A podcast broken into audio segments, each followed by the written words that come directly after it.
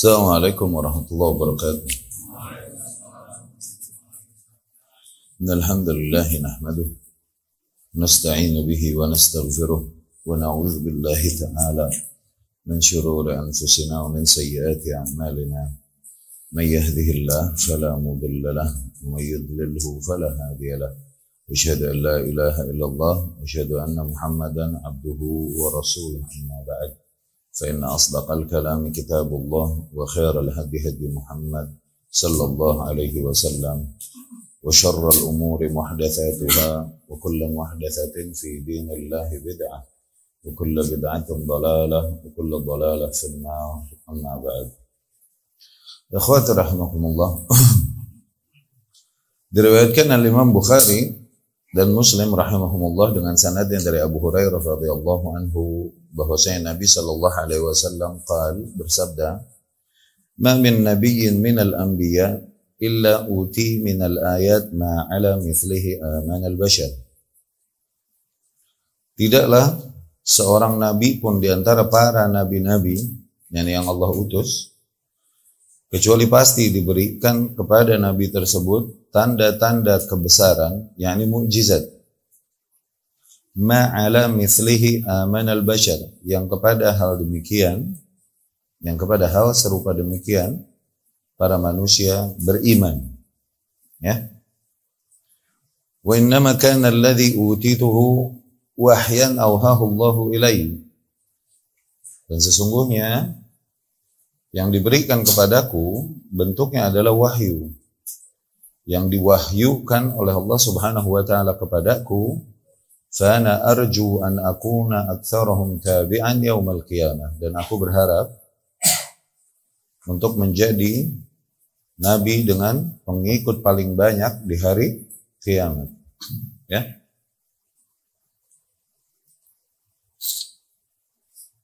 Demikianlah Rasulullah Shallallahu Alaihi Wasallam menyampaikan apa yang menjadi kebiasaan Allah Subhanahu Wa Taala di dalam mengutus para nabi nabinya untuk membawakan kebenaran yang datang darinya. Allah Subhanahu Wa Taala titipkan, Allah Subhanahu Wa Taala jadikan pada nabi-nabi tersebut ayat tanda-tanda kebesaran, yakni mukjizat. Ma mana ala mithlihil bashar. Mukjizat-mukjizat yang di mana para manusia beriman kepada yang serupa dengannya kepada yang serupa dengannya. Apa maksudnya? Para manusia beriman yang serupa dengannya. Nah, pada kali ini itulah yang akan kita bahas ya. Al-Qur'anul Karim sebagai mukjizat dan manhaj. Al-Qur'anul Karim sebagai mukjizat dan manhaj. Ya.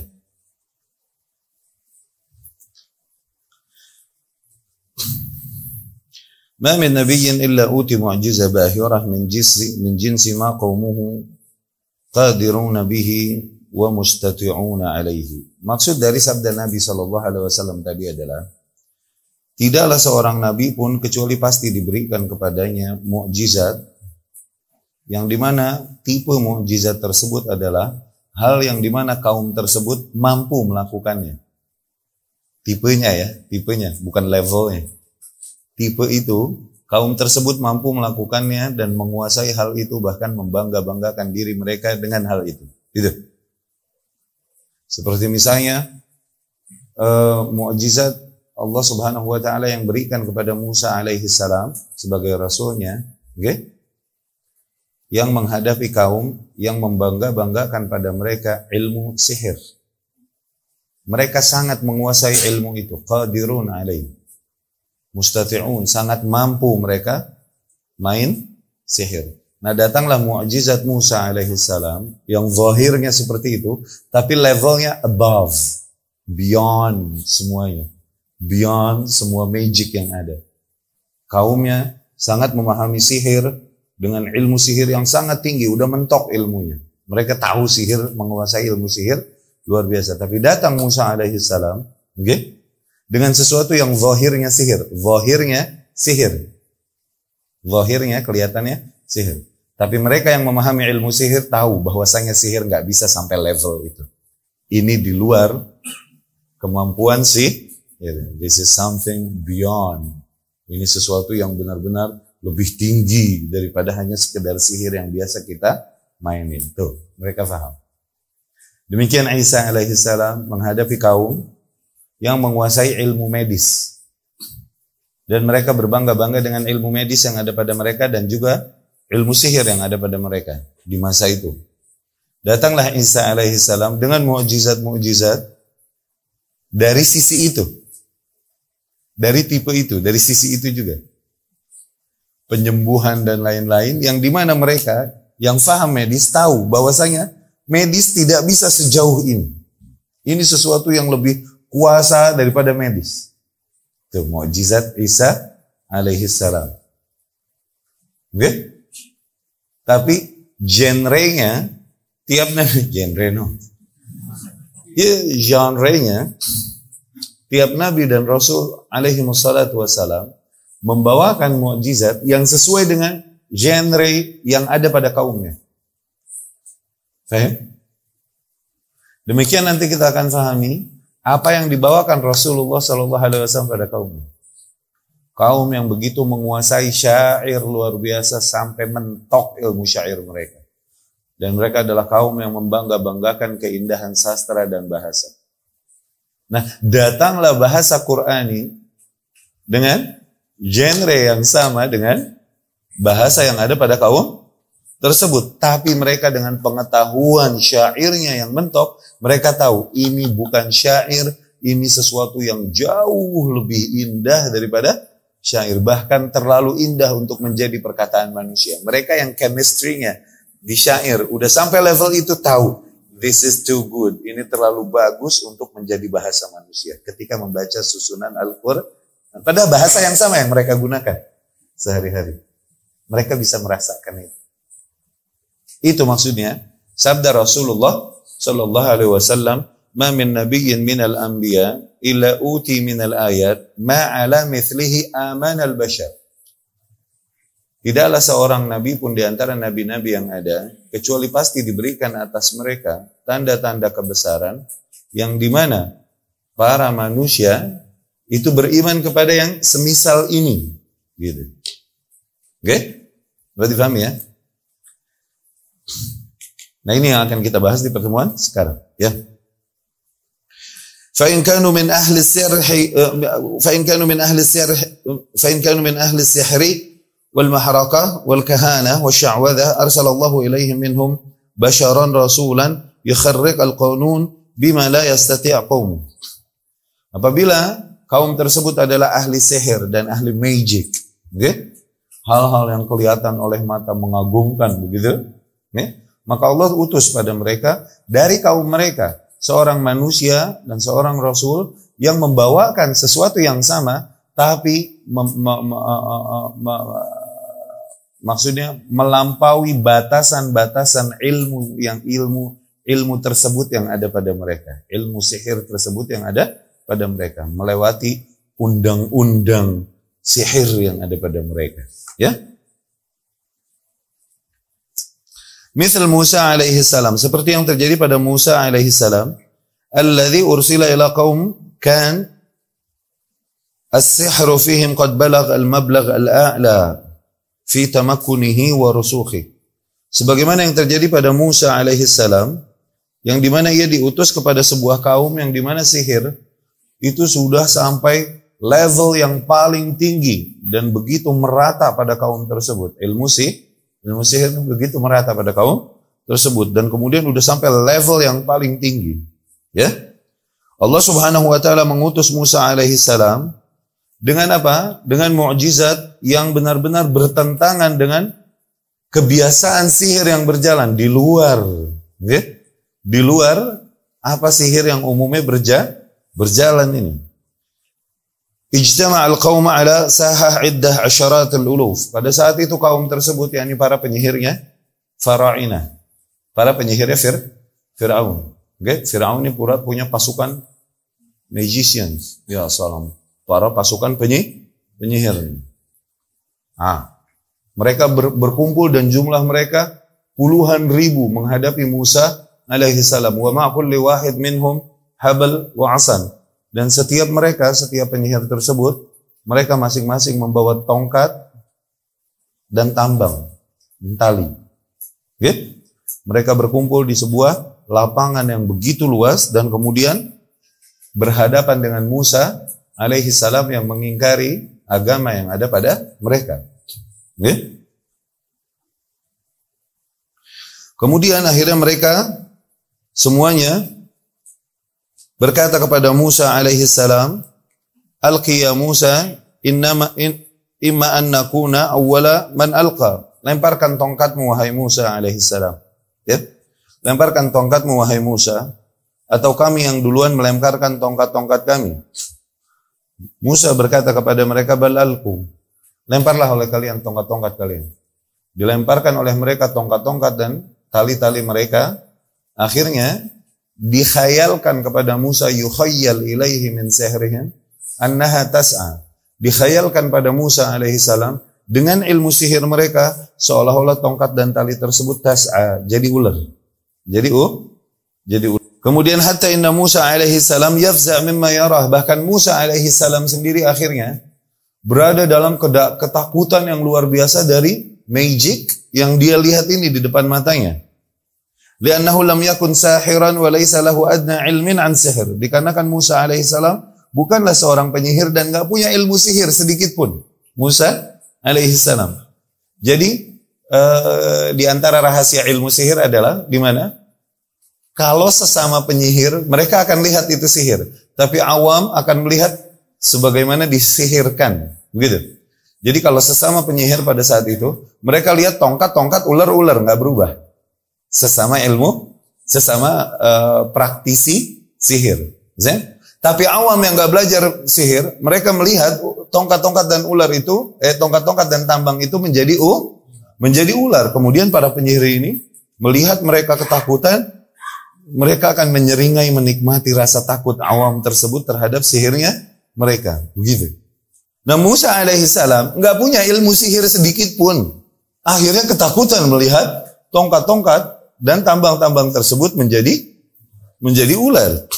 Ini Allah Subhanahu wa taala kisahkan di surah Taha. Di surah Taha. Qalu ya Musa imma an tulqi wa imma an talqa wa imma an nakuna awwala man alqa. Mereka berkata wahai Musa, kau lemparkan tongkatmu atau kami duluan yang melemparkan punya kami. Qal Musa berkata bal alqu, coba kalian lemparkan dulu. Fa idza hibaluhum wa asiyuhum yukhayyal ilaihi min sihrihim annaha tas'a.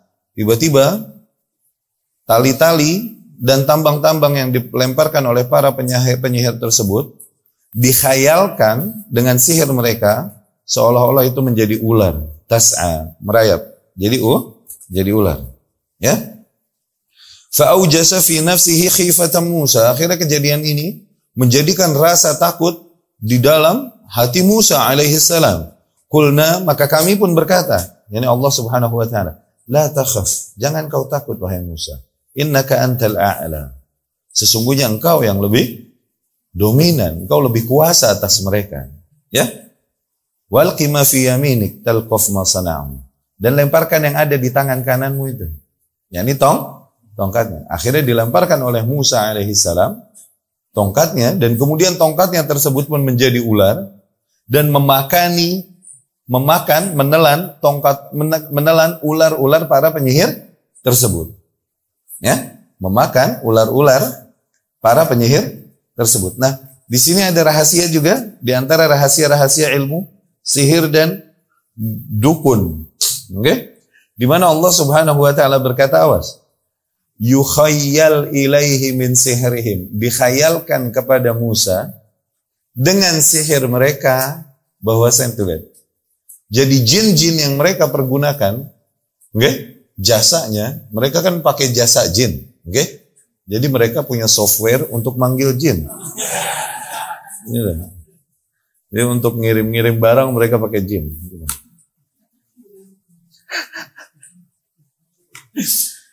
Jin-jin yang mereka gunakan jasanya ini, mereka nggak punya kuasa merubah satu makhluk menjadi makhluk lain, nggak bisa.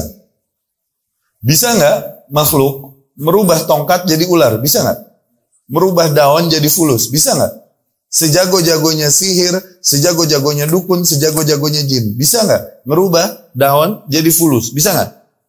Kalau bisa begitu dukun pada tajir bro. Iya kan? Kalau bisa begitu, dukun pada tajir. Mereka nggak bisa lakukan itu.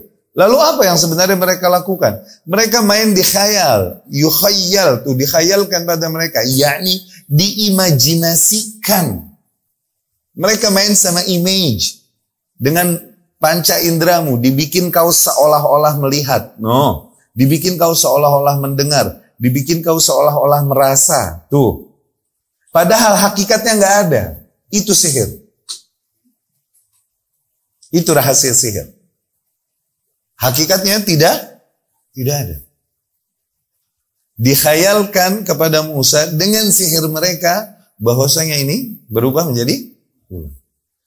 Nah, juga tadi kita telah katakan, kalau penyihir masa sama penyihir lihat tongkat tongkat tali tali ya gak?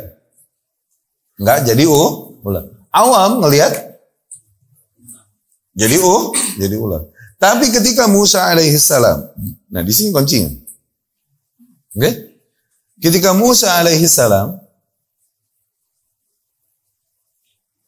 melemparkan tongkatnya berubah menjadi menjadi ular. Dan mereka melihat sendiri para penyihir ini melihat sendiri tongkat Musa alaihi salam menjadi ular.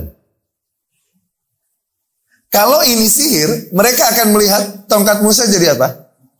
Tongkat. Kenapa? Karena mereka punya ilmu. Tapi mereka lihat sendiri ini tongkat jadi ular Tuh, di luar, beyond nggak? Ini maknanya beyond itu. Di luar undang-undang sihir nih. Udah gitu ularnya Musa alaihissalam makanin ular-ular para penyihir. Berarti makanin tongkat sama tam ular apa? Mau anaconda, mau makonda, mau babakonda, makan tongkat. Ular apa ya yang makan? Ilmu sihir mereka udah mentok. Kalau sihir mereka bisa baca. Tapi ini sesuatu yang beyond magic. Di luar magic, di luar undang-undang ilmu sihir. Mereka tahu ini sesuatu yang lebih kuasa daripada sihir.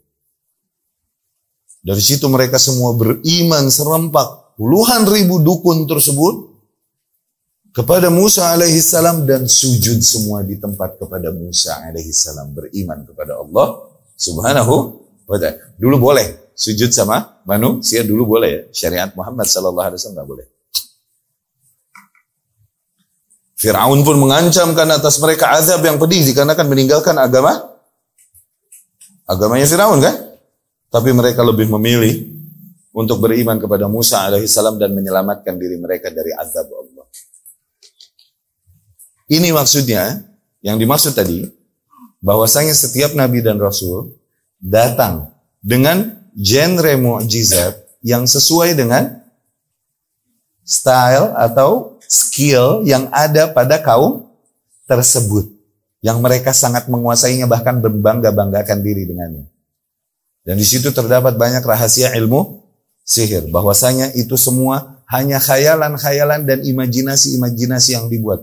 Tapi qadarullah kalau sihirnya ternyata terjadi beneran ini itu, maka itu bukan karena kuasa jin, bukan karena kuasa dukun, tapi karena izin Allah Subhanahu wa taala. Tuh, emang Allah udah izinkan untuk terjadi. Sebabnya apa pun, mau sebab sihir, mau sebab apa pun terjadi maka terjadilah sebagaimana Allah izinkan.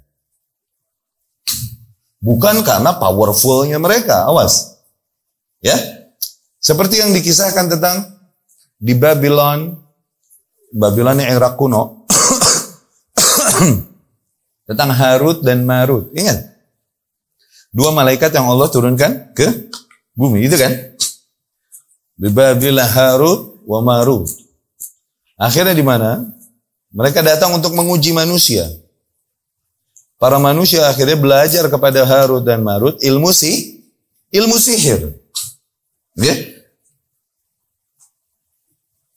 Allah ceritakan hal ini. Minhuma ma yufarriquna bihi bainal mar'i wa zawji. Maka mereka semua belajar kepada Harut dan Marut sihir bagaimana caranya memisahkan antara seseorang dengan pasangannya. Tuh, ini namanya sihir sorf. Oke? Okay? Kalau bikin seseorang lengket ke seseorang, ini sihir ataf. Felet pakai fa. Ataf. Zain. Sebaliknya, bikin seseorang jadi sebel sama pasangannya, sarf dipalingkan. Faham? Ya? Mereka belajar kepada Harut dan Marut. Padahal mereka udah peringatkan, innama nahnu fitnatun, fala takfur. Sesungguhnya kita adalah ujian buat kalian. Jangan kalian kafir, jangan kalian kufur. Ya, ini mempelajari sihir adalah kesyirikan, kekufuran. Oh, artinya itu. Tapi tetap mereka belajar kepada Harut dan Marut. Khususon, khususnya ilmu felet sarf tadi. Ilmu pelet sarf yang memalingkan seseorang dari pasah pasangannya. Bawaannya nih bini kalau lihat lakinya, heh dekil amat ya, gitu.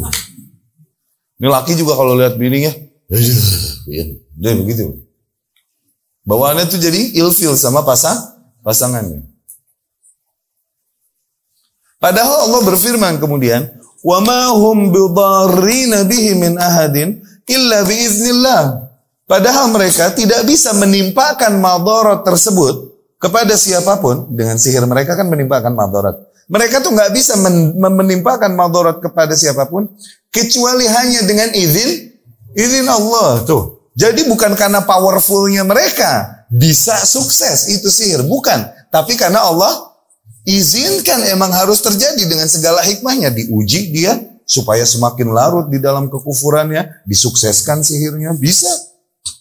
Atau tuh orang emang diuji memang tidak baik satu sama lain, akhirnya emang mesti dipisahkan ala kulli hal. Anyway, tuh bisa. Karena Allah inginkan itu dan izinkan itu untuk terjadi terjadi dengan segala hikmahnya. Bukan maknanya nih sihir yang pa, powerfulnya, bukan. Faham ya? Itu rahasia sihir. Jadi kalau ada orang berobat, misalnya ke dukun, dan berasa, oh udah aneh sembuh nih perasaan, gitu. Itu yuhayyal ilaih, dikhayalkan kepadanya. Nggak bisa jin menyembuhkan. Yang maha penyembuh? Oke? Kayak yang di Sepatan tuh ada Pak Haji, dia nyembuhin di operasi pakai kuku begitu lah. Ada tuh. Ada calo yang dekat rumah lagi. iya, di calo, nyalo-nyaloin orang-orang sekitar untuk berobat ke Pak Haji di Sepatan ini. Iya, alhamdulillah meninggal.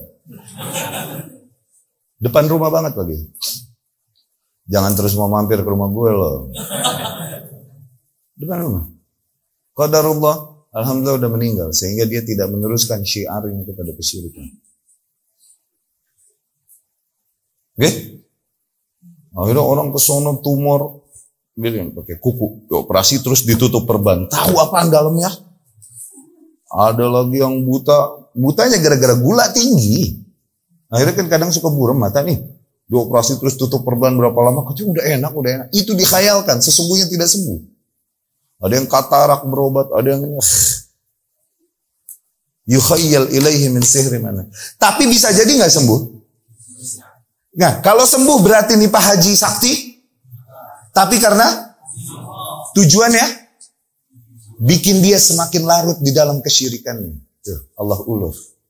Mau? Mendingan mati dalam kondisi sakit daripada sembuh dengan kesyirikan, bro.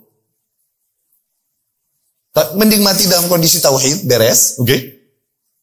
Akhirnya jadi kifarat, iya kan? Atau sembuh dengan kesyirikan? Mending yang mana? Iya kan? Jadi jangan lagi tergoda.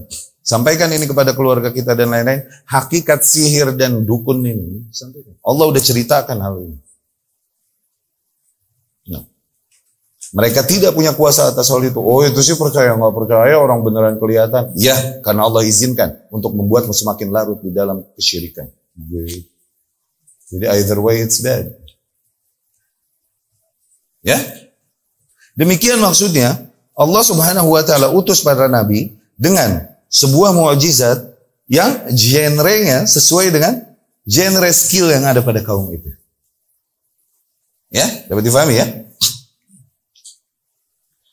Fil haqiqah anna sahara saharu bi'ayun linnas. Pada hakikatnya para penyihir itu hanya menyihir mata manusia. Wastarhabuhum dan dan menakut-nakuti mereka. Waja'u bisihrin azim dan datang membawakan sihir yang seolah-olah mempesona. Mashurin wa yanzur ila al-hibal wal 'asi annaha al-hibal wa 'asi atau 'asa. Sesungguhnya para penyihir itu lam yakun mashurin. Mereka tidak terkena efek ilmu sihir itu sendiri. Mereka lihat tongkat-tongkat, tambang-tambang, nggak kena.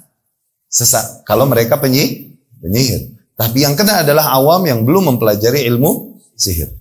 Ya.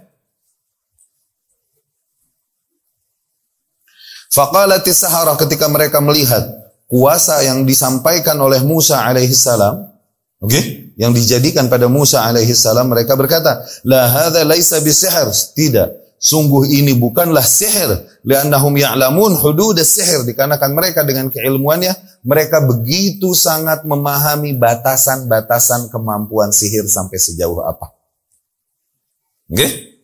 Hadza syai' fawqa qanun sihir. Ini adalah sesuatu yang beyond di luar lebih tinggi daripada si sihir. Akhirnya kharru lillahi sujada. Mereka pun tersungkur semua di tempat sujud kepada Allah Subhanahu wa taala. Ya. Demikian juga Musa alaihissalam banyak mukjizat terjadi padanya yang tidak bisa dilakukan oleh para penyihir. Sejago-jagonya penyihir, bisa nggak dia ngebelah lautan sehingga terhubung dua daratan yang terpisah oleh lautan? Bisa nggak? Tapi terjadi pada Musa alaihissalam ketika kepepet, ya kan? dikejar oleh Faraina, oleh kaum Fir, Firaun. Firaun ini kaum Kibti, Indiannya Mesir, Indiannya Mesir. Adapun kaumnya Musa alaihissalam sana adalah Jewish, Yahudi yang merupakan Exodus yang dibawa di zamannya Yusuf alaihissalam, okay, dari Syam menuju Mesir dulu. Awalnya begitu kan? Kenapa Yahudi ada di Mesir? Tapi ternyata Seiring dengan berjalannya waktu, ketika popularitas Yusuf menghilang, zaman demi zaman berlalu, akhirnya justru bangsa yang pendatang ini diperbudak oleh bangsa yang pribumi. Diperbudaklah para kaum Yahu, Yahudi. Mereka menunggu the Savior, the Savior, sang penyelamat, sang penyelamat, sebagaimana dikabarkan pada mereka melalui kitab-kitab yang ada pada mereka yang diturunkan pada mereka. Mereka menunggu kedatangan Musa alaihi salam. Nah, akhirnya jadilah Musa dan kemudian datang sebagai penyelamat mereka. Ketika dikejar, okay, dan akhirnya mereka menghadapi lautan di depan, sementara di belakang pasukan Firaun siap menghancurkan mereka dan mengejar mereka. Barulah Allah Subhanahu wa taala tuh selalu Allah memberikan pertolongan injury time. Okay? Mereka semua udah goyang imannya, akidahnya udah goyang dan berkata hancurlah kita, habislah kita sudah. Musa alaihissalam berkata sesungguhnya Allah akan menolong kita, sesungguhnya Allah akan menolong kita. Tetap yakin Musa alaihissalam dan meyakinkan kaumnya. Sehingga akhirnya Allah perintahkan Musa alaihissalam untuk memukulkan tongkatnya ke laut sehingga terbe terbelahlah lautan itu. Padahal penyihir pada saat itu ada nggak bersama Musa? Ada, tapi bisa nggak para penyihir melakukan itu? Samiri yang akhirnya bisa membuat kebo ngomong. Ingat gak kasus Samiri? Itu ada, dia Exodus bersama Musa alaihissalam di situ. Pada saat itu kenapa nggak belah laut? Faham Samiri ini termasuk orang yang ikut di barisan belakangnya itu. Tapi nggak bisa belah. Dan itu pun terjadi pada Musa alaihissalam. Bukan dengan kuasa Musa, was. kuasa Allah subhanahu wa ta'ala dan izin Allah Allah Subhanahu wa taala pada waktu yang Allah perin, perintahkan tidak maknanya setiap saat Musa alaihi salam ke laut getok-getokin tongkatnya terus tebelah, tebelah, tebelah. Enggak begitu. Pada saat yang Allah perintahkan. Demikian juga ketika mereka kekeringan. Akhirnya Allah perintahkan pada mereka asakal hajar fajarat min huthnata asyrata aina. Gebuklah batu tersebut dengan tongkatmu dan keluarlah dari mata dari batu tersebut 12 aina, 12 mata 12 mata ya, 12 mata air ini buat 12 suku Bani Israel itu. Ya? Allah selamatkan Musa alaihissalam bersama para pengikutnya sehingga mereka melalui laut bitarik yabis pada jalanan yang sangat kering karena lautan membelah, membelah dan kemudian ketika pasukan Firaun mengejarnya di belakang dan Allah Subhanahu wa taala tenggelamkan Firaun ketika Musa dan para pengikutnya telah menyelamatkan diri ke daratan selanjutnya. Ya kan? Wa idh farraqna bikumul bahra fa'anjaynakum wa aghraqna ahla fir'auna wa antum tanzurun. Dan ingatlah ketika kami belahkan untuk kalian lautan. Dan kemudian kami selamatkan kalian. Dan kemudian kami tenggelamkan Fir'aun and the gang. Ala Fir'aun. Okay? Wantum tanzurun. Dan kalian lihat sendiri. Allah lagi menegur Bani Israel akan nikmat yang diberikan atas mereka. Dan awas. Seorang yang tidak berakidah baik. Yang berakidah klenik mistis. Yang diperhatikan adalah apanya? Tongkatnya Musa yang sakti. Tuh, ngaco nggak? Karena apa-apa gebuk tongkatnya, apa-apa gebuk tongkatnya. Akhirnya apa? Uh, tongkatnya musuh di mana? Tuh, dipikir tongkatnya yang sakti. Padahal kuasa Allah Subhanahu wa taala. Tongkatnya Musa alaihissalam yang dicari.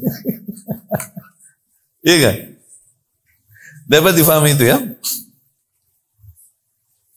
Arsalallahu al-anbiya wa rusul bi ayat wa mu'jizat bahirat. Demikian Allah mengutus para nabi dan rasul dengan tanda-tanda kebesaran dan mu'jizah-mu'jizah yang mempesona ya tahadda biha rasul qaumah yang dengan mu'jizat itu ia menantang kaumnya. Coba kalian bisa nggak mengalahkan ini? Tuh. Dan fungsi mu'jizat, mu'jizat diambil dari kata ajaz, yu'jiz. Akhirnya apa? Artinya apa? Melemahkan, mengalahkan bikin yang lain nggak bisa yati bimithli. Membuat hal yang kayak begini nggak bisa. Tuh. Seolah-olah mukjizat ini berkata, seolah-olah berkata, Saddiq rasuli ma yuballighu anni. Percayailah kabar yang dibawakan utusanku dalam apa yang dibawakannya dariku. Mukjizat ini fungsinya bikin manusia sampai ke pojok dan gak ada pilihan lain kecuali harus beriman. Itu fungsinya mukjizat itu. Melemahkan mereka. Ini mukjizat mukjizat terjadi pada para nabi dan roh, rasul. Dapat difahami itu mukjizat arti dan fungsinya apa?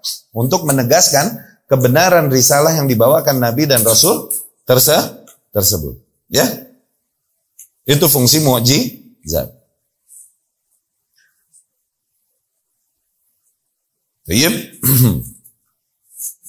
Nah kemudian ikhwati rahimakumullah Di waktu yang sama Allah juga turunkan kitab kepada para rasul tersebut. Apa bedanya rasul dan nabi? Ingat? Rasul datang membawa kitab, membawa syariat baru menyempurnakan syariat sebelumnya. Syariat ini dilambangkan dengan kitab yang baru. Oke? Okay? Nah, Rasul datang membawakan kitab. Nah, kitab ini sebagai manhaj, no, sebagai konsep kehidupan. Di situ ada daftar list apa yang Allah inginkan pada para manusia. Itu. Ini lakukan ini, tinggalkan ini, ini halal, ini haram, begitu. Yakini demikian, jangan kau yakini demikian, begitu. Itu kitab. Fungsinya sebagai juklak manhaj. Hah, kurikulum, kurikulum. Bagi kaum tersebut. Tapi kitab tersebut bukanlah mukjizat pada Rasul itu. Awas. Kitabnya mukjizat gak? Bukan. Kenapa? mukjizat digunakan untuk menantang kaumnya. Coba bikin yang kayak gini, kalahin nih, bisa gak? Tuh, mukjizat. Oke? Okay? Tapi apakah kitab yang ada pada Ibrahim alaihissalam, Sohuf, pada Dawud, Zabur, pada Musa, uh, perjanjian lama, Taurat, dan pada Isa perjanjian baru atau in Injil. Digunakan untuk menantang kaumnya, coba bikin buku yang kayak gini, bisa nggak? Enggak. Karena apa? Kitabnya itu bukan mukjizat. Mukjizatnya adalah mukjizat yang terjadi pada mereka. Kitabnya sendiri hanya sebagai man manhaj. Faham ya? Nah, spesialnya Nabi kita Muhammad sallallahu alaihi wasallam diturunkan atasnya Al-Qur'an. Al-Qur'an sebagai manhaj kayak kaum-kaum terdahulu dan sebagai mukjizat di waktu yang sama. Faham? Digunakan untuk nantang, coba bikin kayak gini kalau mampu. Sesurat aja. Z. Dan juga mau spesialnya Nabi kita Muhammad sallallahu alaihi wasallam, setiap nabi diutus untuk zaman tertentu atau kaum tertentu, tempat tertentu. Oke? Okay? Jadi mukjizatnya hanya berasa pada kaum itu dan pada zaman itu. Tapi Nabi Muhammad sallallahu alaihi wasallam diutus untuk semesta alam. Ah. Untuk semua kaum, semua tempat, bahkan untuk para manusia dan para jin. Adapun nabi-nabi dan rasul terdahulu hanya zaman dan makan. Makan ini tempat. Artinya makan, artinya tempat. Makan bahasa Arab, artinya tempat. Jadi makan tempat ini double, nggak ajib. Oke? Okay? Setiap Nabi Musa alaihissalam mujizatnya berasa hanya pada kaum itu doang, iya kan? Di zaman itu doang. Tapi Isa alaihissalam berasa di zaman itu doang, di kaum itu doang, iya kan? Iya kan?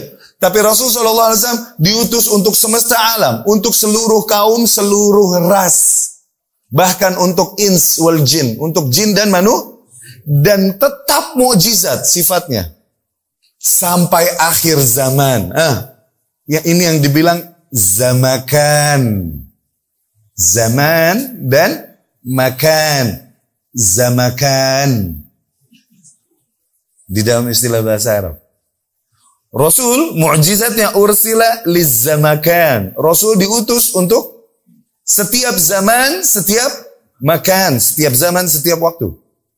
Itu adalah bentuk mukjizat bagi kaumnya dan bagi kaum-kaum yang lain, bentuk mukjizat pada zamannya dan pada setiap zaman yang datang setelahnya. Al-Qur'an tuh. Ya? Berbeda dengan rasul terdahulu. Dibagi-baginya mukjizat dan kitab hanya pada zaman dia. Berlaku kitab tersebut hanya pada zaman dia datang kitab baru terhapus sudah, mansuh. Iya kan? Iya kan? Hanya pada kaum dia dan berasanya mukjizat hanya pada bagi mereka yang melihatnya pada saat itu aja. Iya kan? Tapi Rasul SAW diturunkan kitab yang mukjizatnya bisa dirasakan di setiap zaman. Setiap manusia bisa melihat mukjizatnya. Nah ini spesialnya yang ada pada Rasulullah Sallallahu Alaihi Wasallam. Jadi demikian, arsalallahu al-anbiya wa rusul bi ayat wa mu'jizat bahirat. Allah mengutus para nabi dan rasul dengan tanda-tanda kebesaran dan mu'jizah-mu'jizah yang bahirat, ya mengagumkan. Yatahadda bihar rasulu qaumah. Yang di mana dengan itu seorang nabi atau seorang rasul menantang kaumnya. Yatu bimithli ma ja'abih. Coba bisa kalian, bisa tidak kalian jadikan seperti yang hal demikian. Ya. Itu yang dimaksud oleh hadis bab ini yang sedang kita bicarakan hadis Abu Hurairah tadi. Ya. Adapun Rasulullah Shallallahu Alaihi Wasallam maka beliau datang ma'awa'ad bimutlaq az-zaman wal makan wa mutlaq al-makan. Rasul sallallahu alaihi wasallam datang oke okay, ditujukan untuk mutlak zaman, mutlak makan, semua zaman dan semua tempat. Ya. Ini yang dibilang zamakan di dalam bahasa Arab. Li'annahu laisa nabiyyan qaumiyan dikarenakan Rasulullah Shallallahu alaihi wasallam bukanlah seorang nabi yang hanya diutus pada kaum tertentu, Ammal anbiya qablah adapun para nabi-nabi sebelumnya fakanu yub'atsun ila qaumihi khassa. Mereka hanya diutus kepada kaumnya saja khususnya. Amma Muhammad adapun Muhammad sallallahu alaihi wasallam faqad lil alam kulli. Maka ia sallallahu alaihi wasallam beliau telah datang untuk semua alam semesta. Ya. Liyuballigh risalatah ila sairil insi bal ila sairil jin ia datang untuk menyampaikan risalahnya, misinya. Risalah artinya misi. Oke? Yang diperintahkan Allah Subhanahu wa taala padanya kepada seluruh jin dan manusia. Ya. Musa alaihissalam Allah Subhanahu wa taala utus dengan banyak bentuk mukjizat yang zahir, yang hissiyah. Mukjizat hissiyah artinya mukjizat yang kelihatan mata, ya. Liman yarawnaha bagi mereka yang melihatnya.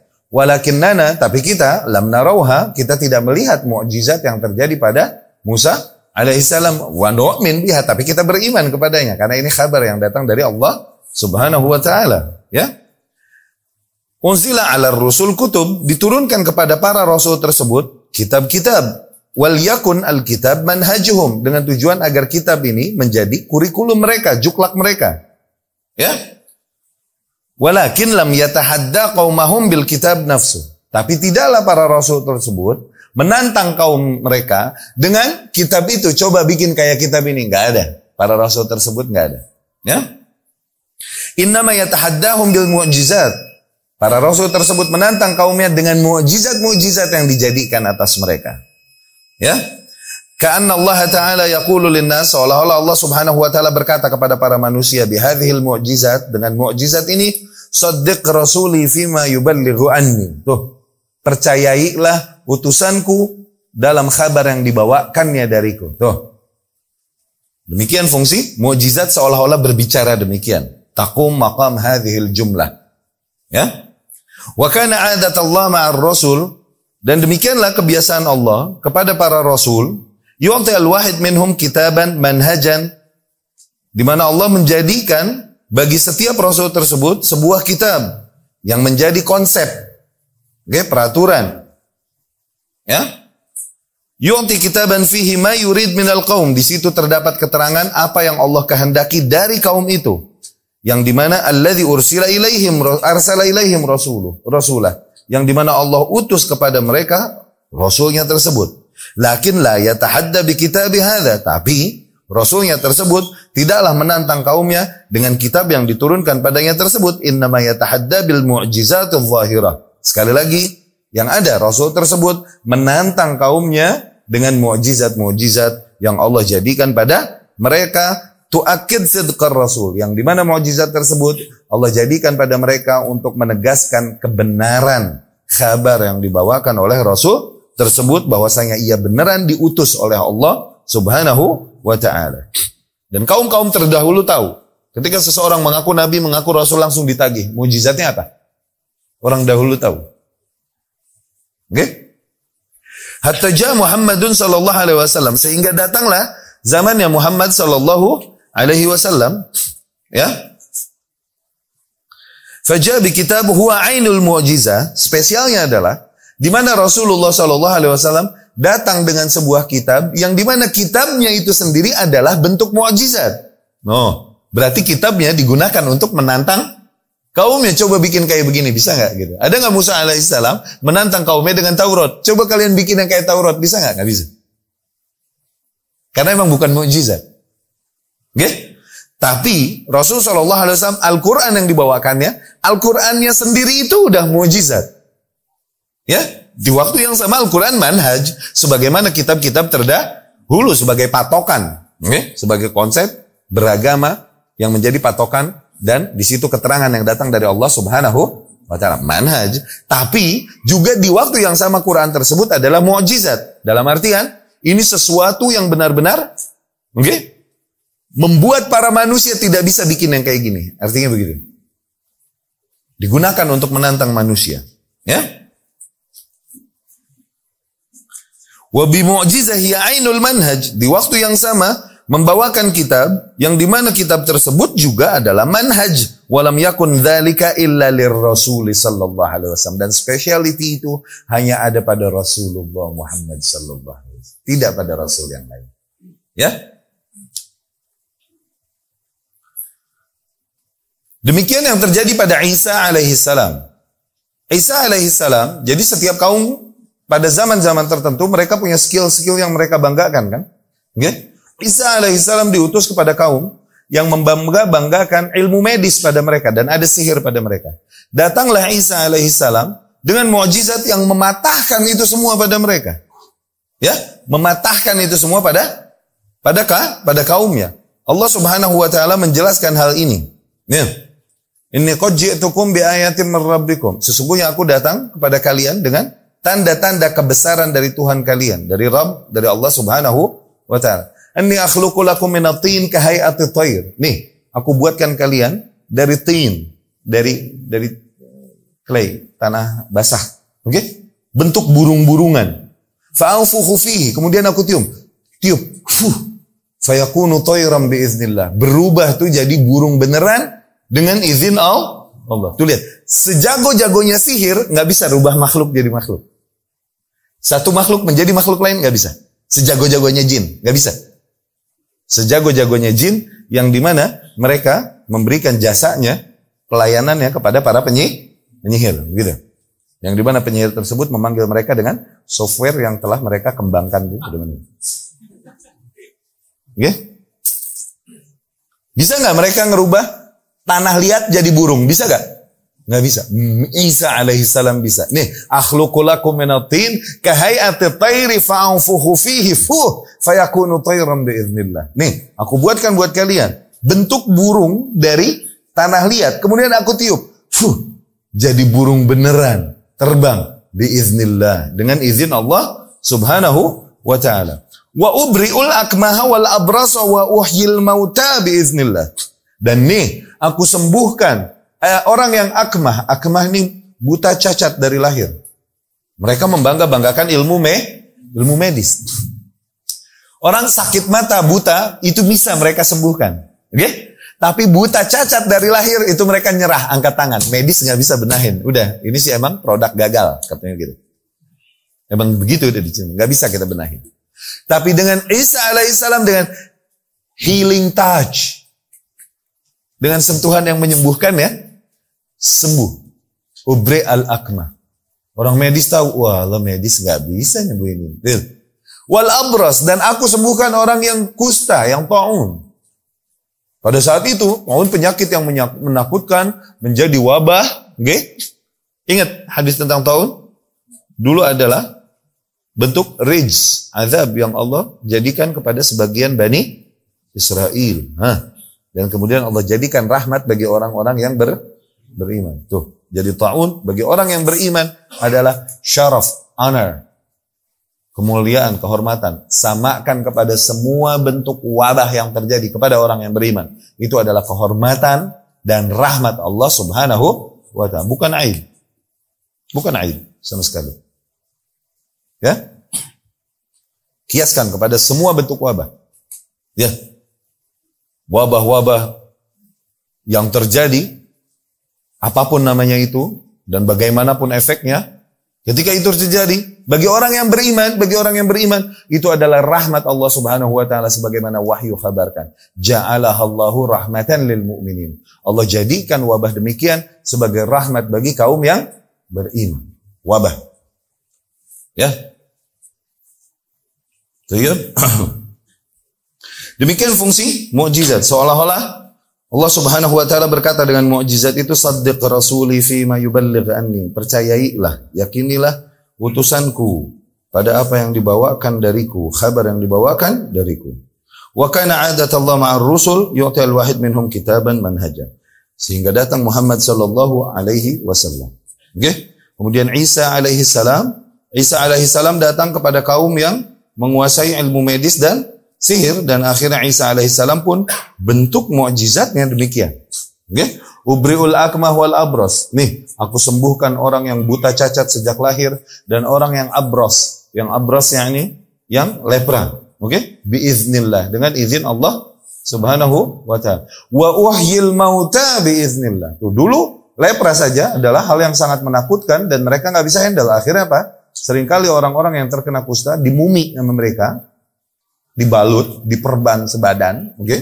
Dan kemudian ditaruh di dipisahkan dari ka, kaumnya. Oke, okay? dipisahkan dari kaumnya. Ini yang dibilang hajar sehi. Hajar sehi. Nah, itu apa di di di embargo demi tujuan kesehat kesehatan di di di apa namanya di di di lakban di isolasi isolasi di isolasi di lakban no isolasi diisolasi dengan tujuan kesehat kesehatan itu.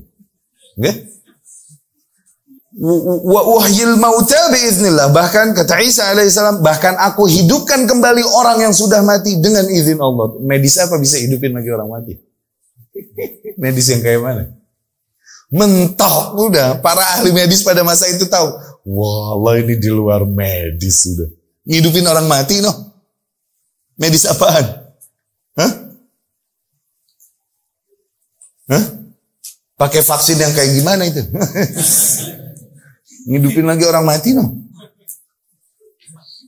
Wah, Allah ini mukjizat. Akhirnya mereka beriman. Itulah mukjizat menggiring manusia sampai ke pojok supaya mereka nggak punya pilihan lain kecuali harus terima dan beriman dengan kabar yang dibawakan oleh Rasul, Nabi yang datang pada mereka. Demikian yang terjadi pada Zabur. Kitab yang diturunkan atas Dawud alaihi salam. Al-Imam Al-Qurtubi rahimahullah berkata, Az-Zabur kitab Dawud alaihi salam. Zabur adalah kitabnya Dawud alaihi salam fiha 150 surah. Di dalamnya terdapat 150 surat. Laisa fiha hukmun la halal wala haram. Tapi tidak ada satu hukum pun di dalam buku itu. Tidak halal tidak haram. Innama huwa hikam wa mawa'id. Buku tersebut isinya cuma hikmah-hikmah dan nasihat-nasihat saja nggak ada satu hukum pun halal haram nggak ada ya Isinya cuma nilai-nilai hikmah-hikmah dan mawaid. Ya, nasihat nah, sehat. Wa kana Dawud hasan saut. Nah, Dawud alaihissalam, mukjizatnya di antaranya, suara yang begitu indah luar biasa. Ya, faida akhadha fi qira'ati zabur, maka ketika Dawud alaihissalam mulai membaca kitab Zabur ijtama ilaihi al-insu wal jinnu wat tayru wal wuhush li husni sauti.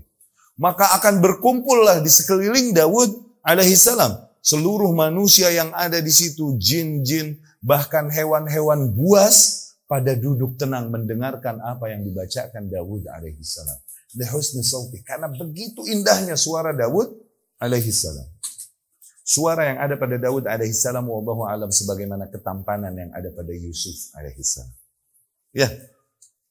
Kita nggak dapat la tampannya wala suaranya. Kita. La hada wala hada. Iya. Jadi Yusuf alaihissalam ikhwan. Ketika Nah itu mukjizat yang ada padanya berarti. Oke? Okay? Yusuf alaihissalam berlalu dan para wanita sedang memotong-motong tufah apel. Oke? Okay? Mereka mengiris-ngiris tangannya tanpa sadar karena apa? Terpesona melihat keindahan yang ada pada Yusuf alaihissalam. Dia syatrul jamal. Diberikan, diberikan baginya 50% ketampanan. Jadi ketampanan ini 100%. Dibelah dua. 50% Allah bagikan bagi seluruh lelaki yang ada di muka bumi sejak zaman awal sampai hari kiamat. Kita hanya berbagi dari yang 50% jatahnya. Oke? Okay? Nah 50% kepada satu individu. Tuh itu artinya. Yusuf alaihissalam. Kebayang nggak? Sehingga ketika mereka ketika melihat Yusuf alaihissalam begitu terpesona keindahannya luar biasa tanpa disadari mereka memotong-motong tangan. Ini para wanita memotong-motong tangan mereka begitu. Dan kemudian di antara juga kelebihan yang ada pada Daud Allah berfirman wa alanna lahul hadid dan kami lembekkan kami lembutkan besi di tangan Dawud alaihissalam.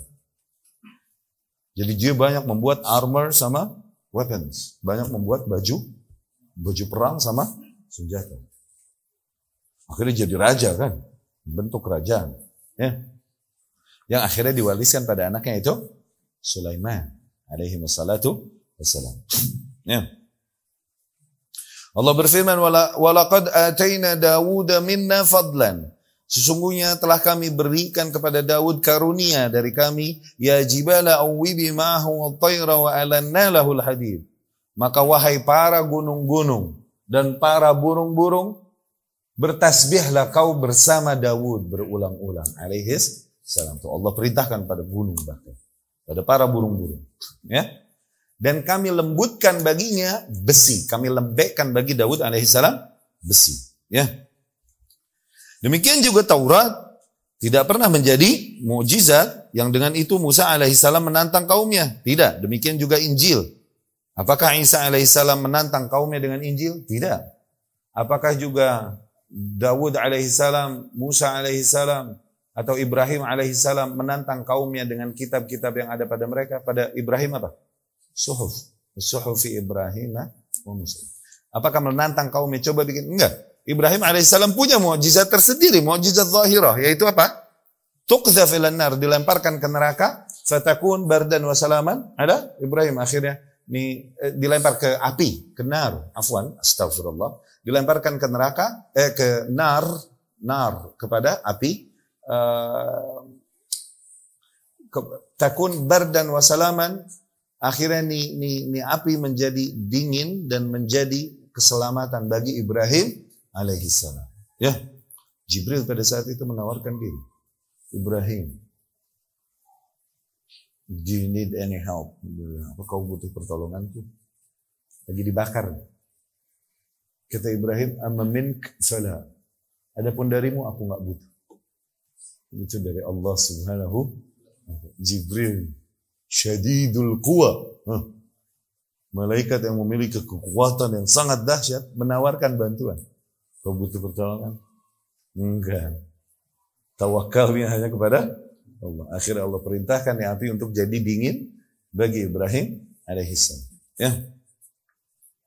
Demikian juga kisah Ashabul Ukhdud. Ingat kisah Gulam? Hah? Berarti itu di masa Isa alaihissalam di mana dia banyak menyembuhkan penyakit, iya kan? Ingat kan Ashabul Ukhdud? Itu, di masanya Isa alaihissalam.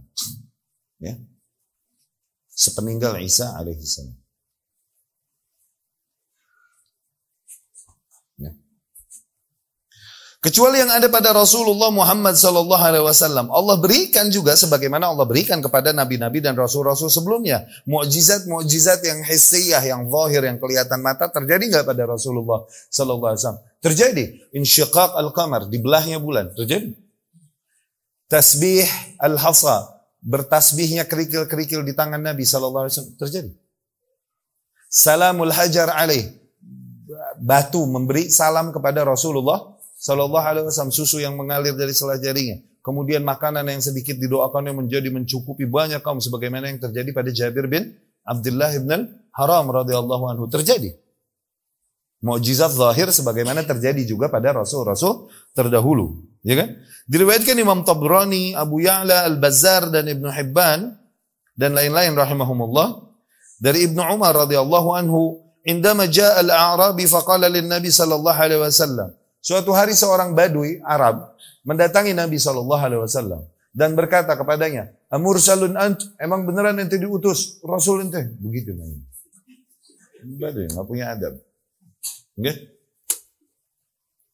Amur salun ant, emang benar ente diutus? Begitu. Kalau Rasul berkata, "Na'am." Iya. Qal, "Wa ma ayatu irsalik?" Kalau iya, apa tanda-tanda? Oke, okay? di mana kau diutus? Tuh langsung orang pasti langsung nagih mukjizat kalau seseorang ngaku nabi atau roh, rasul. Rasul pun berkata sallallahu alaihi wasallam, "Ara'ait law da'utu hadhihi al-jaza' Coba menurutmu gimana? Kalau aku panggil no pohon korma muda, ada sebuah pohon korma muda jauh. Oke? Okay? Kalau aku panggil nakhlah saghira, fa'atat kemudian dia datang ke sini, faqamat baina yadai, dia berhenti di hadapanku, fasyahidat li dan dia bersaksi bagiku bahwasanya aku adalah Rasulullah. Awa kunta? Apakah kau akan percaya kepadaku? Kata Rasulullah. Ini badui malah Awat tastati emang bisa? Kata Rasulullah, bisa. Langsung Rasulullah SAW panggil tuh mungkin ini pohon muda, pohon korma muda, dan kemudian bergeraklah pohon tersebut, tasyukul arda syaqqa wa arda khadda, dia belah muka bumi, dia belah, dia belah bumi, bergerak sebagaimana bergeraknya seorang manusia mendekat. Okay? Beneran mendekati Rasulullah Sallallahu alaihi wasallam dan kemudian Rasul berkata kepadanya, "Man ana? Siapa aku?" Qal al-'idhq. Kemudian berkatalah pohon korma muda itu, "Anta Rasulullah." Engkau adalah Rasulullah. Di sanad lain bahkan ia bersaksi, bersumpah bahwasanya engkau adalah Rasulullah. Berbicara nih pohon. Kemudian Rasul perintahkan ia kembali, kembali pohon tersebut membelah tanah dan kembali ila mambatih kepada tempat tum, tumbuh awalnya. Ini Badui melihat hal ini, dia pulang kepada kaumnya dan berkata langsung, Ji'tukum min indi asharin nas. Aku barisan, aku barusan ketemu orang yang jago luar, jago sihir luar biasa. Mujizat tersebut, ia melihatnya sebagai Ji'tukum min indi asharin nas. Barusan aku ketemu orang yang jago sihir luar biasa. Kata Badui tersebut kepada kaumnya. Nah, terjadi pada Rasul Shallallahu Alaihi Wasallam juga mujizat-mujizat yang demi yang demikian, yang zahir, ya. Tapi kemudian juga di, diberikan kepada Rasulullah Shallallahu Alaihi Wasallam kitab, yaitu Al Quranul Karim. Nah, di mana Al Quranul Karim ini? Okay?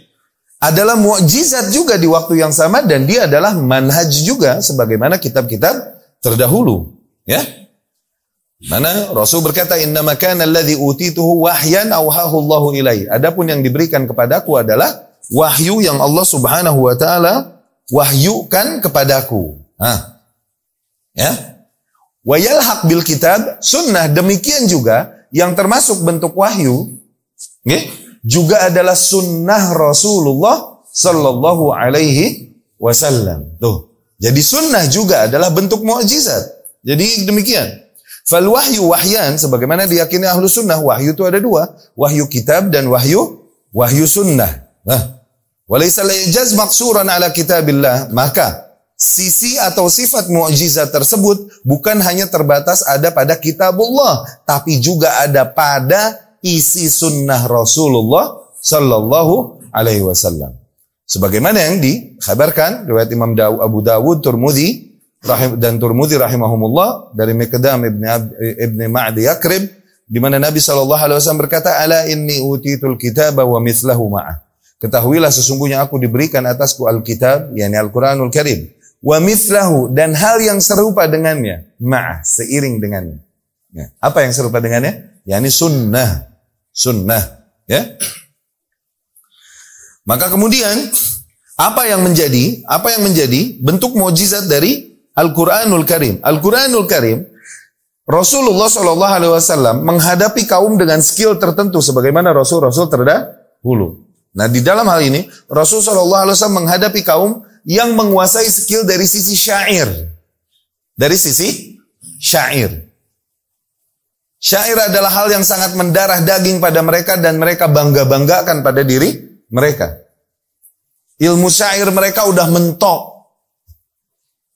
Okay? Datang Rasulullah Shallallahu Alaihi Wasallam dengan mukjizat yang kitab, bahasanya bahasa yang dipakai para penyair itu juga sama bahasanya. Okay? Tapi para penyair ini dengan ilmu syairnya yang mereka kuasai dengan chemistry syair, mereka bisa merasakan bahwasanya bahasa yang ada pada Al-Quran sungguh terlalu indah untuk menjadi bahasa manusia. Bukan syair. Itu bukan syair. Ya? Seperti yang terjadi pada Unais. Saudaranya Abu Dhar al-Ghifari radhiyallahu anhu. Abu Dhar ini udah sholat tiga tahun sebelum perintah sholat turun. Abu Dhar ini udah sholat tiga tahun. Dia berkata, bercerita kepada para pemuda, para tabi'in, aku udah sholat sebelum tiga tahun sebelum diperintahkan sholat atas Rasulullah Sallallahu Alaihi. Karena dia apa? Dia tadinya di atas agama Ibrahim dan mencari-cari agama. Mencari-cari agama. Udah sampai kepada agama yang harusnya bertahu Eh, cuman belum ketemu Rasulullah Sallallahu Alaihi Pengen beribadah kepada Allah gimana? Ditanya oleh pada dia, bagaimana dulu kau salat ya Syekh? Pokoknya aku berdiri dari awal malam sampai akhir subuh, kemudian aku pun terlunglai sebagaimana jatuhnya sehelai kain. Gua berdiri aja muji-muji Allah. Gitu. Dia nggak tahu harus ngapain, belum ketemu syari, tapi udah sampai kepada poin tahu. Sampai suatu hari ketika ia melakukan perjalanan, Okay? Ketika ia melakukan perjalanan, diriwayatkan Imam Muslim dan juga Imam Baghawi dengan sanadnya dari Abdullah bin Samit radhiyallahu anhu. Abu Dhar bercerita, "Qala li akhi Unais, suatu hari Unais, saudaraku berkata kepadaku, "Qad badat li hajah ila Makkah." Aku ada keperluan sebentar di Mekah. Fahal anta kafin hatta fahal anta kafi hatta arji' ilai maukah kau mewakiliku dulu sampai aku datang nanti yakni nitip keluarganya sebentar sehingga aku kembali kembali okay? akhirnya qult na'am Abu Dhar bilang ya tayyib silakan okay? Fakharaja Unais, Unais pun pergi menuju Mekah. Farasa alayya. Ternyata di Mekah lama bener. Kirain cuman berapa lama? Ternyata lama, lama banget. Okay? Summaja. Kemudian akhirnya datang juga fakal dan kemudian Unais berkata, "Inni laqitu rajulan ala dinik." Sesungguhnya aku di Mekah tadi ketemu seseorang yang agamanya sama seperti agamamu. Okay? Inni laqitu rajulan ala dinik yazam anna Allah arsalah. Dia mengaku bahwasanya Allah telah mengutusnya. Ya kan? Yusammunahu as-sabi, tapi kaumnya menuduhnya sabi, murtad dari agama tradisional. Menuduhnya penyair, menuduhnya sihir. Gitu. Yaz'amun annahu kadzib. Kaumnya menuduhnya bahwasanya ia pendusta, ia penyihir, ia penyair. Wa qad sami'tu qawlahu fa ma huwa biqaulihim. Dan sungguh aku telah mendengar sendiri perkataan Rasul tersebut. Dan demi Allah tidak seperti sebagaimana yang dituduhkan kaumnya padanya. Ya? Faqala Unais lin Nabi sallallahu alaihi wasallam. Akhirnya Unais pun menemui Nabi sallallahu alaihi wasallam dan Unais berkata kepada Nabi pada saat itu, "Ma biyya raghbatun an dinik." Sungguh aku tidak memiliki kadar kebencian sama sekali kepada agamamu. Fa inni qad aslamt wa saddaqt. Sesungguhnya aku telah berislam dan mengimani orang tersebut. yakni Muhammad sallallahu alaihi Jadi Unais beriman lagi. Syuf. Unais ini penyair yang jago luar biasa. Seseorang kalau ketemu penyair, ketemu penyair lain, wah mau ngadu syair nih, oke? Okay? Mereka menjadikan seorang hakam, hakim, apa? Wasit yang menentukan nanti mana yang lebih dominan dibanding yang lain. Mereka pertaruhkan apa yang ada pada mereka. Oke, yang kalah ambil ontaknya ya. Tuh, ontak misalnya. Bisa jadi seorang penyair pergi tanpa onta, pulang dengan beberapa onta, bisa jadi. Pakai skill syairnya. Akhirnya mereka ngadu syair. Dan kemudian masuk ke haja, haja ledek-ledekan. Dan kalau udah ledek-ledekan, mereka mencelanya dengan telunjuk. Makanya telunjuk ini dibilang sababah. Untuk sabaya subuh, mencela. Mok. Oke? Okay? Dan kemudian mereka memiringkan imamahnya, kemudian menurunkan celananya, bahkan sering kali menunjukkan manakhir bokongnya kepada musuhnya sambil mencela-celanya dengan syair. Tuh, battle.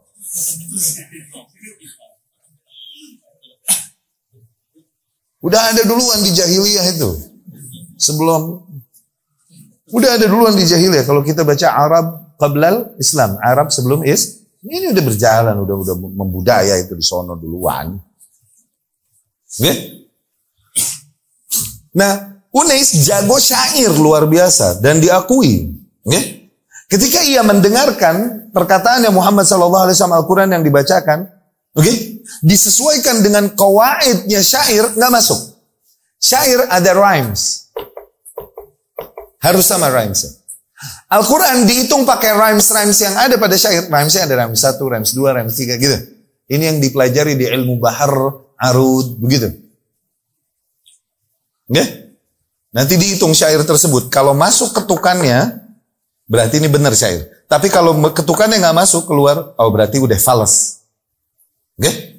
Nah yang dibacakan Muhammad dihitung pakai kaidah-kaidah syair, oke? Nggak masuk. Tapi dibilang fals, enggak. Justru begitu terasa indah luar biasa. Wallah ini di luar syair. Ini bukan perkataan manusia terlalu indah. Mereka punya chemistry itu. Karena punya bahasa itu, punya zauk itu. Itu chemistry-nya. Nah ini hilang pada kaum muslimin. Makanya Syekh Utsaimin itu sampai level bilang, setiap orang tua akan bertanggung jawab di hadapan Allah dikarenakan mereka mengajarkan anak-anak mereka bahasa kafir terlebih dahulu sebelum bahasa Quran. Syekh Utsaimin sampai ngomong gitu loh, radhiyallahu anhu. Uh, rahimahullah. Setiap orang tua akan bertanggung jawab di hadapan Allah dikarenakan mereka mengajarkan anak-anaknya duluan bahasa kafir sebelum bahasa Quran. Hmm. Ya rakyat, bagaimana menurutmu? Hah? Jadi jangan kau kuasai bahasa kafir ini itu sebelum kau kuasai. Ustaz, Ustaz pakai bahasa. Deh, gue bisa bahasa Arab mau nyoba gue loh. boleh, bukan haram. Boleh, bukan ha? Bukan haram. Bahasa sesuatu yang umum kok. Gak jadi tasyabuh bil kufar dengan itu. Enggak. Bagus. Boleh. Tapi ada prioritas kewajiban. Awas. Sebagai bukti dari cintamu lebih condong ke mana. Ya. Nah, Unais udah itu. Jadi kalau syair itu ada ketukan ketukannya. Oke? Okay? Bisa syairnya Imam Syafi'i rahimahullah misalnya. Safir tajid iwadan amman tufariquhu. Safir. Lakukanlah safar, lakukanlah perjalanan. Ini maksudnya move on. Tajid iwadan amman tufariquhu. Bagaimanapun kau akan menemukan pengganti-pengganti dari orang-orang terkasihi yang telah berpisah denganmu. Asal safar, asal move on. Fansab fa inna ladhidhal aishi fin nasabi. Dan teruslah berjuang dan berusaha, berusaha, usaha. Karena sesungguhnya seni kelezatan hidup itu, ada pada usaha, usaha. Okay? Nanti rhymes-rhymes syair ada banyak. Dimasukin rhymes A nggak masuk, coba B, coba C, coba D, gitu. Nah ini standar yang dibacakan Imam Syafi'i ini standar. Pakai yang lain. Alastum khay roman rokibal matoya wa andal a lamina butu narohi. Ah, masuk gak? Tuh begitu cara ngitung syair itu begitu. Ini syair bukan, masukin ke ketukan-ketukannya. Masuk nggak? Kalau masuk, nah itu syair. Benar berarti. Checklist tuh. Tapi kalau fals, nggak ada yang masuk. Nah udah salah. Nah Al-Quran, jangan ngomong keluar Ustaz Tuyat yang nggak nggak ngajarin ini di pengajian. Jangan loh. Beneran itu ilmu itu, ilmu bahar, ilmu arud, pakai ketukan. Betul. Bahkan para penuntut ilmu udah pada nggak belajar lagi beginian. Anda juga kalau nggak kebetulan gaul sama ahlinya luar biasa emang ada sahib Nggak belajar nih, nggak dapat beginian. Ada ada ketukannya. Tapi bahasa Rasul Shallallahu Alaihi Wasallam atau bahasa Sunnah dihitung pakai syair nggak masuk. Huh. Bisa Rasul bilang, Allahumma la aisha illa aishul akhirah fa aslihil ansara wal muhajirah. Ya Allah sesungguhnya tidak ada kehidupan yang hakiki kecuali, kecuali kehidupan akhirat. Maka perbaikilah kondisi kaum Ansar dan Muhajirin. Itu tahu kan doa itu ketika perang perang Khandaq waktu itu. Zen? Coba itu.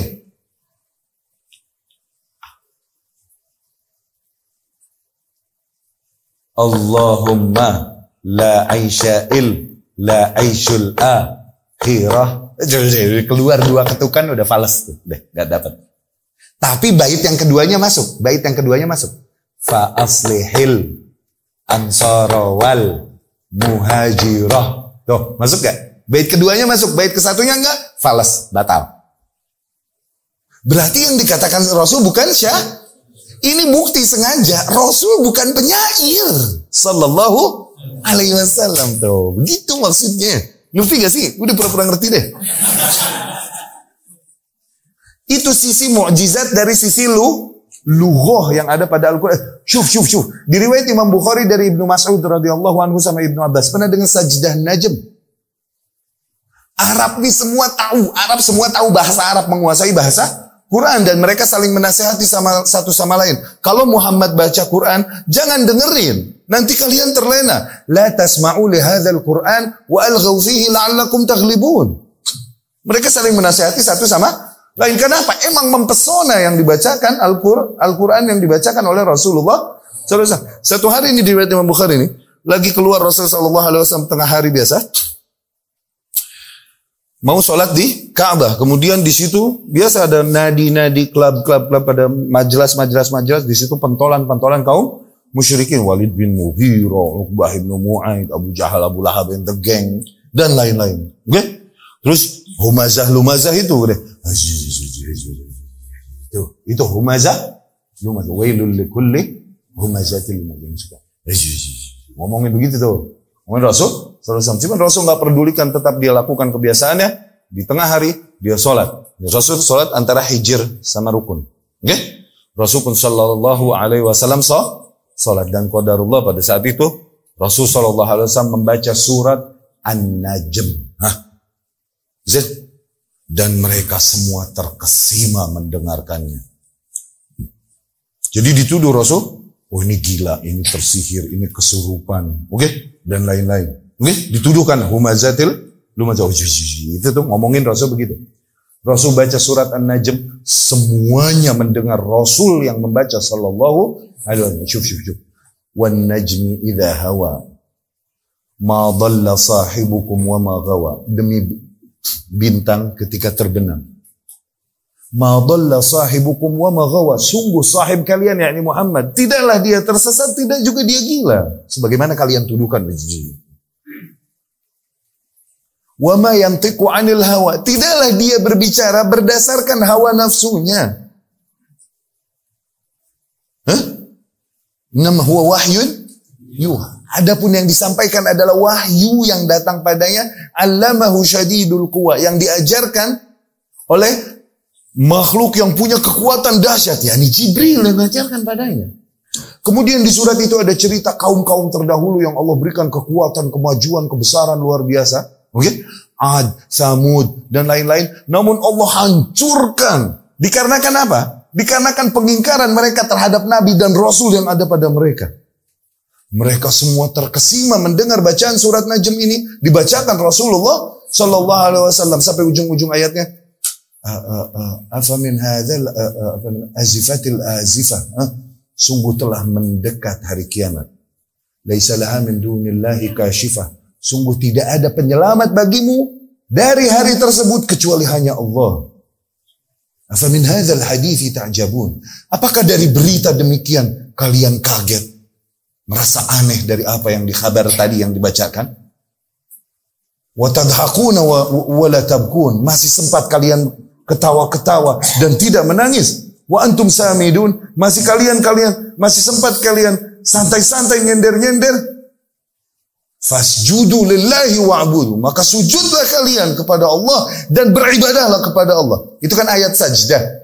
Langsung Rasul Shallallahu Alaihi Wasallam sujud di tempat kaum muslimin yang ada langsung sujud di belakang Rasulullah Shallallahu Alaihi Wasallam. Kaum musyrikin nggak bisa kuasai badan mereka sujud di tempat bersama Rasulullah Sallallahu alaihi wasallam. Tuh, lihat. Di luar kuasa mereka badannya. Karena mereka faham bahasa Qurani. Setelah itu, setelah beberapa saat, mereka bangun. Mereka bangun dan saling bertanya satu sama lain. Mada fa'alna? Mada fa'alna? Apa yang kita lakukan? Apa yang kita lakukan? Asajadna li Rabbi Muhammad. Apa kita sujud kepada Rabbnya Muhammad barusan? Mada fa'alna? Apa yang barusan kita lakukan? Tuh mereka nggak sadar. Kalau mau kau kalau kau mau katakan sada jalalatul Quran wa azamatu inadal kufri wa kibriya asyirki fi qulubihim. Di mana keagungan Al-Quran menghancurkan kekerasan kufur dan kesombongan syirik yang ada pada hati mereka dihancurin sama Allah Subhanahu sehingga mereka tak kuasa ikut sujud di belakang Rasulullah sallallahu alaihi wasallam. Bahkan Ibnu Abbas bilang sajada al-muslim wal musyrik wal insu wal jan. Semua manusia dan jin yang ada pada saat itu di situ ikut sujud bersama Rasulullah sallallahu alaihi wasallam. Ya? Kenapa? Karena mereka nggak bisa menahan diri. Mereka paham bahasa ini. Mereka dapat chemistry Cuman sisanya tinggal kesombongannya ini. Sombong itu apa? Menolak kebenar. Nah udah sisanya itu doang. Ya? Nah, itu dari satu sisi. Satu sisi mujizat Al-Quran. Yaitu sisi apa? Lughah. Bahah. Bahasanya. Mereka yang faham syair, faham ini tahu bahwa ini terlalu indah untuk jadi perkataan manusia. Dikata syair bukan, dihitung nggak masuk syair. Unais berkata, Inilah alam, sesungguhnya aku tahu ketukan-ketukan syair, sesungguhnya aku tahu dan dan sesungguhnya juga aku tahu jampe-jampe para penyihir. Tuh, kalau penyihir suka pakai jampe-jampe juga begitu. Yang kayak begini, jampe-jampe harupat, gerak gede, gerak lompat. Tuh, suka begitu tuh. Aku tahu juga itu. Tapi aku dengarkan apa yang dibacakan Muhammad, wallah nggak masuk. Beda. Gitu. Nah juga dari sisi ijaz, mujizatnya juga dari sisi ilmi, scientist. No. Makanya dia, mujizat bukan hanya pada zaman Rasulullah, dia jadi mukjizat di setiap zaman. Kenapa? Selalu ketemu terbukti apa? penelitian-penelitian ilmiah yang udah ada isyaratnya di dalam Al Al-Qur'an, ketemu di zaman-zaman beri berikutnya tuh, maka mukjizat bagi tiap zaman. Kalaupun mereka tidak berbahasa Arab, makanya mukjizat Rasul zamakan. Bagi tiap zaman, bagi tiap makan. Bukan hanya bagi bangsa itu di zaman itu. Tidak. Tapi setiap bangsa di setiap zah, zaman. Proses penciptaan manusia. Medis orang sampai mana? Medis, pengetahuan medis sampai mana? Tapi Allah udah jelaskan di dalam Al-Quran. Walaqad khalaqnal insana min sulalatin min tin, thumma ja'alnahu nutfatan fi qararin makin, thumma Jangan nutfah khalaqna eh, apa jangan nutfata alaqatan fa khalaqna alaqata mudghatan fa khalaqna mudghata idhaman fa kasawna al-'idhama lahma. Tuh, sungguh kami telah ciptakan manusia dari rangkaian tanah liat.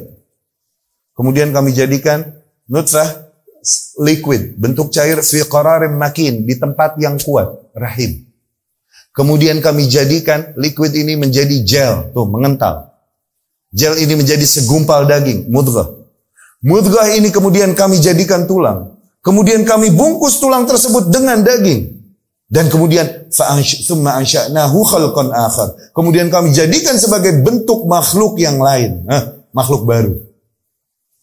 Lihat proses penciptaan manusia di dalam sunnah Rasul Shallallahu Alaihi Wasallam juga berkata bahkan dengan spesifik detail dijelaskan waktunya berapa lama. Inna ahadakum yajna khalqu fi batni ummi hadisnya Ibnu Mas'ud. Setiap kalian, Rasul Shallallahu Alaihi berkata, oke, okay? setiap kalian itu berada di perut ibunya, di rahim ibunya, arba'in yauman nutfah, 40 hari dalam bentuk liquid, cair. Semasar alaqah mislu dhalik. Kemudian berubah menjadi alaqah, segumpal darah, mislu dhalik. Selama itu juga, yakni 40 hari juga. Kemudian mudghah mithlu dhalik. Kemudian segumpal daging seperti itu juga. 40 hari juga. Terus 120 hari. Udah 120 hari baru ditiupkan kepadanya ruh. Tuh. Berarti nyawa ada di janin itu umur 120 hari. Berapa bulan? Medis mana udah nyampe situ? Mau bilang Rasul baca medis dari kaum lain. Satu, kaum lain medisnya belum sampai situ. Kedua, Rasul nggak bisa baca. Sengaja Allah jadikan buta huruf.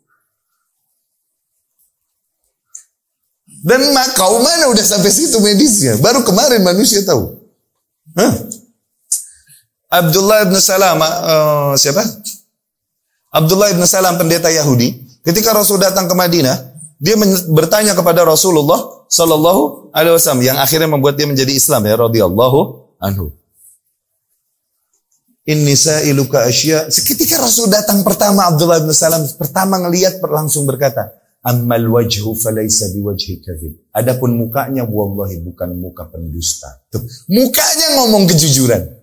Rasulullah SAW. Kemudian dia bertanya kepada Rasul, Inni sa'iluka asya la ya'lamu jawabaha illa nabi. Sesungguhnya aku mau bertanya kepadamu beberapa perkara yang tidaklah mengetahui jawabannya kecuali seorang nabi. Hmm. Jenius gak nih orang? Dia tahu kunci-kunci buat ngetes ini nabi ori apa enggak. Sel. Tanya. Mata azkarul maulud au anath. Kapan bayi yang dilahirkan jadi wanita, jadi lelaki atau jadi wa? Apa awal ta'am yakuluhu ahlul jannah? Apa makanan pertama penduduk syur? surga? Dan lain-lain. Pertanyaan ini. Rasul pun menjawab sallallahu alaihi wasallam, "Akhbarani Jibril anifan." Barusan Jibril mengkhabarkan kepadaku jawabannya. Okay? Langsung Abdullah bin Salam berkata apa? Oh, ada aduwul Yahud minal uh, aduwul Yahud minal malaikah. Oh, itu malaikat yang merupakan musuh kaum Yahudi. Tuh lihat. Nasrani mengagung-agungkan Jibril alaihi salam, mengagung-agungkan sampai mentuhankannya jadi Tuhan. Roh Kudus itu Jibril. Yahudi malah musuh-musuhin Jibril alaihi salam gitu. ya Nasrani mengagung-agungkan Nabi Isa diagungin diagungin diagungin disem disembah Yahudi nabi-nabi yang ada dicela dihina disakiti dibunuhin no dua ku dua kutub no Jibril barusan mengkabarkan padaku jawabannya Hah. Awal ta'am yakuluhu al-jannah. Makanan pertama penduduk surga. Ziyadah kabid hud. Ati ikan paus. Ati ikan paus. Tahu dari mana? Jadi kalau bukan wah, kapan bayi yang lahir jadi perempuan jadi lelah? Lelaki. Rasul bilang, "Idza sabaqa apabila melampaui, Di sanad lain idza ghalaba apabila dominan ma'ur rajul ma'al mar'ah airnya lelaki daripada airnya wanita azkara bi iznillah. Maka yang lahir jadi lelaki dengan izin Allah tapi awas ini cuma sebab tetap izin Allah. Wa idza sabaqa ma'ul mar'ah ma'ar rajul tapi sebaliknya apabila airnya wanita lebih dominan daripada airnya lelaki anasa bi iznillah. Maka yang lahir bayi wanita dengan izin Allah tetap. Awas, ya kan? Tahu-tahuan dari mana? Kapan laki, kapan perempuan? Tahu medis dari mana? Baru kebukti sekarang-sekarang bahwasanya kromosomat, kromosom. X, Y. No. Kalau X lebih dominan daripada Y, tuh ini laki, ini perempuan, kapan jadinya itu baru kebukti sekarang. Ini 14 abad yang lalu Rasul nyebut dan dia buta huruf mau baca kitab siapa? dari sisi ini yang dibilang ijaz ilmi mukjizat saintis dan belum lagi banyak yang kalau kita sebutkan bentuk-bentuk mukjizat yang disebutkan akhirnya di dalam Al-Qur'an dari sisi sains oke okay? Sebutkan di dalam Al-Qur'an atau di dalam sunnah Rasul sebagaimana juga wah sebagaimana juga syuf syuf Rasul bilang idza waqa'a dzubab fi ina ahadik apabila laler nemplok cemplung minuman kalian falyaghmisha maka agar dia cemplungin semuanya tuh laler Fa inna fi ihda janahaihi wa fil ukhra dawa. Karena sesungguhnya di salah satu sayap laler itu penyakit, di satunya penawarnya tuh. Tahu-tahuan dari mana Rasul sallallahu alaihi wasallam? Ternyata benar diperiksa pakai Microsoft nih orang sekarang, diketek laler nih. Ada kantong virus di kiri dan kantong penawarnya di kan di kanan ada ternyata benar tuh. Ini mukjizat ilmiah gak? Mukjizat saintis gak? Hah? Alhamdulillahnya kita pakai iman, bukan pakai bukti fisik apa-apa. Makanya para sahabat menjadi kaum yang paling selamat. Apakah karena bisa membuktikan perkataan Rasul dengan alat-alat modern? Enggak, enggak. Karena iman. Oh Rasul yang ngomong. Sami'na wa ta'na. Selamat nggak kita? Kesian gak sih kaum lain yang lahir dalam keadaan kafir, mau cari kebenaran Islam mesti jadi profesor dulu dan botak dulu bisa pakai mikroskop dulu gitu loh. Baru bilang, oh ternyata benar ya Muhammad. Kamana wae? Kita dari lahir, no, udah Islam langsung. Kemuliaan nggak? Udah dikasih modal sama Allah Subhanahu wa taala yang tidak diberikan modal itu kepada yang lain. Tuh, cuman kita mau puter apa enggak tuh modal? Modal nggak diputer habis bro lama-lama. Cari tambahan petunjuk. Banyak lagi bukti-bukti saintis yang ada di dalam Al-Quran. Maka demikian jelas Al-Quran yang ada pada Rasulullah Sallallahu Alaihi Wasallam banyak spesialiti yang ada pada Rasulullah SAW. Dia penutup para nabi yang tidaklah setiap nabi Rasul datang kecuali pasti memperingatkan akan datangnya Nabi Muhammad Sallallahu Alaihi Wasallam. Tuh kemudian dan diperintahkan kaumnya untuk beriman dan mengikutinya apabila kaumnya menemuinya. Tuh. Tidaklah setiap nabi datang kecuali membawa eh Rasul datang kecuali membawa ki, kitab, tapi kitabnya bukan menjadi mukjizat yang dengan itu dia tantang kaumnya, mukjizatnya beda.